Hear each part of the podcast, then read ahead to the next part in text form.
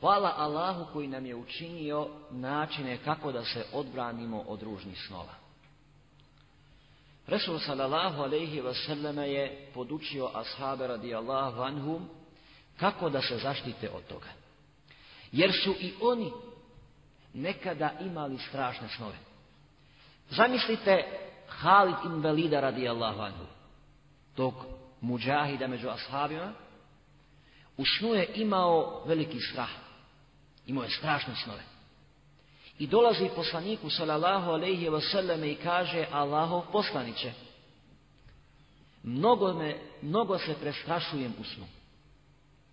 Kaže mu Resul sallallahu alejhi ve sellem Kada to vidiš reci A'udhu bi kalimatillahi tammati min sharri ghadabihi wa iqabihi wa min sharri ibadihi همزات الشياطين Kada to vidiš, kada se dogodi u snu, onda reci, utječem se Allahu potpunim riječima od šeitana, od zla Allahove srđbe i njegove kazne, od zla robova njegovi, od šeitanskih napada i njihova prisustva. To je savjetovo da uči. Predaju bilježe ima Malik i imam Nesaj.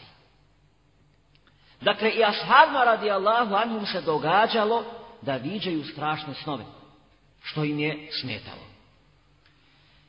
Prvo što mu'min mora da radi da bi se zaštitio od, od opasnih snova jes zikr prije spavanja.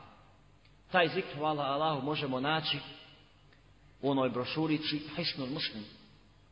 I ne bi smio musliman da ode na spavanje, a da taj zik ne praktikuje. Ne bi smio. Dakle, taj zik nema sad potrebe da svaku dovu se čitamo, jer će nam vrijeme oduzeti, a i onako smo rastegli s predavanja, puno je predavanja toku jednog dana. Braćo, uzmite hisnul muslim.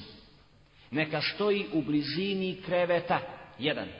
A jedan obavezno u džepu ili u autu. Tako da hisnul muslim te zikrove, te virdove uvijek učite. Vidio si čovjeka sakata. Alhamdulillahi lezi afani mimma ibtalahu bihi ve faddalani ala kathiri mimman halaka tefdila. Hvala Allahu koji me zaštiti od onoga čime je njega iskušao. I počastio me je mnogim počastima nad njegovim stvorenjima. Tako i ove dove. Prije spavanja zikr, jako bitan da se čovjek zaštiti od šeitanovog napada. Zatim, čitanje Kur'ana. Nema muslimana bez čitanja Kur'ana. Nema. Pogotovo nema daje bez čitanja Kur'ana. Kako će neko biti daja, a ne čita Kur'an? Kako će neko biti pravi musliman, a ne čita Allahov govor. Što više čitamo Allahov govor, to je srce čišće. I to je šeitanu suženiji put. A Allahov govor se ne čita bez abdesta, je tako? Osim na pamet. Ne čita se. Po prihvativije mišlji islamske uleme, bez abdesta nije dobro čitati Kur'an. A abdest kad se uzme, peremo svoje tijelo. A kad završimo s abdestom, učimo šta? Šehadet i šta još? te dž'alni mine tawabin, mu mine pahiri. Ja rabbi, daj da budemo od onih koji se mnogo kaju, to je duhovna čistoća. I od onih koji se mnogo peru, to je tjelesna čistoća. Kaže Ibn Kajim, kad čovjek ispuni ova dva uvjeta, duhovnu i tjelesnu čistoću, onda stupa na namaz kod gospodara. Bez toga nema namaza. Nema ga. Ne može da ga bude. Zbog toga mi švrljamo u namazu kad smo svugdje stignemo, samo ne pred Allahom subhanahu wa ta'ala. Zašto? Ne postižemo ova dva uvjeta. Dakle, učenje Kur'ana prije spavanja i inače. Treća stvar, da se uče posebno oni ajeti na koje je poslanik sallallahu alejhi ve selleme precizirao. Na primjer, na primjer ajetul kursi ili kod nas poznata kao tekst dova. Jako dobra za učenje. Čime je poznat onaj događaj kada je Ebu Hureyra radijallahu anhu bio zadužen da čuva zekat koji je pokupio u toku Ramazana. I došao neki lopuža i kupi. Uzima pune pregršne kupi iz, iz onog zlata i srebra.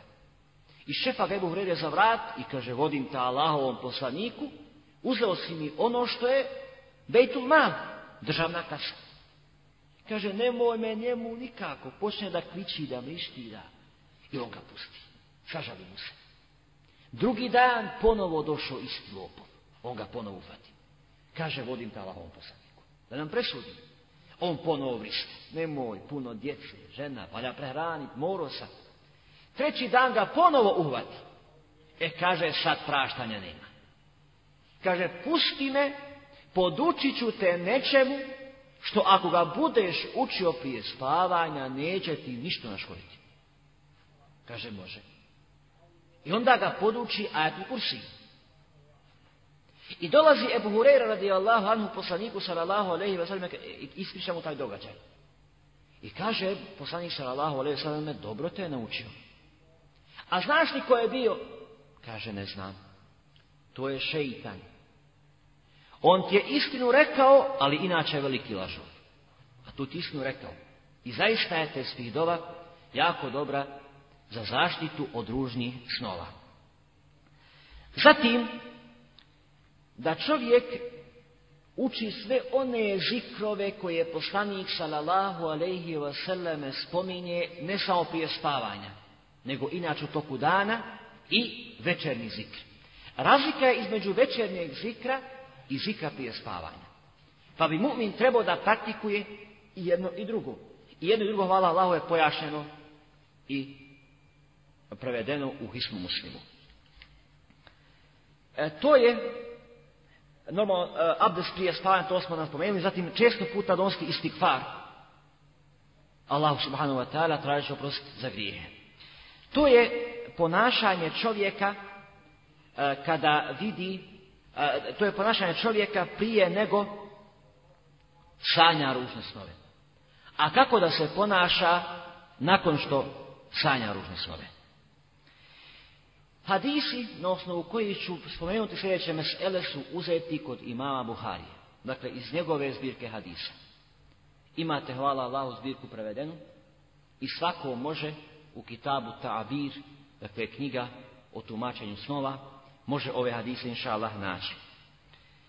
Prvo, nakon što čovjek sanja ružan san, mora da donese euzu da zatraži od, od Allaha subhanahu wa ta'ala utočište kod Allaha subhanahu wa ta'ala utočište od pokretog šeitana.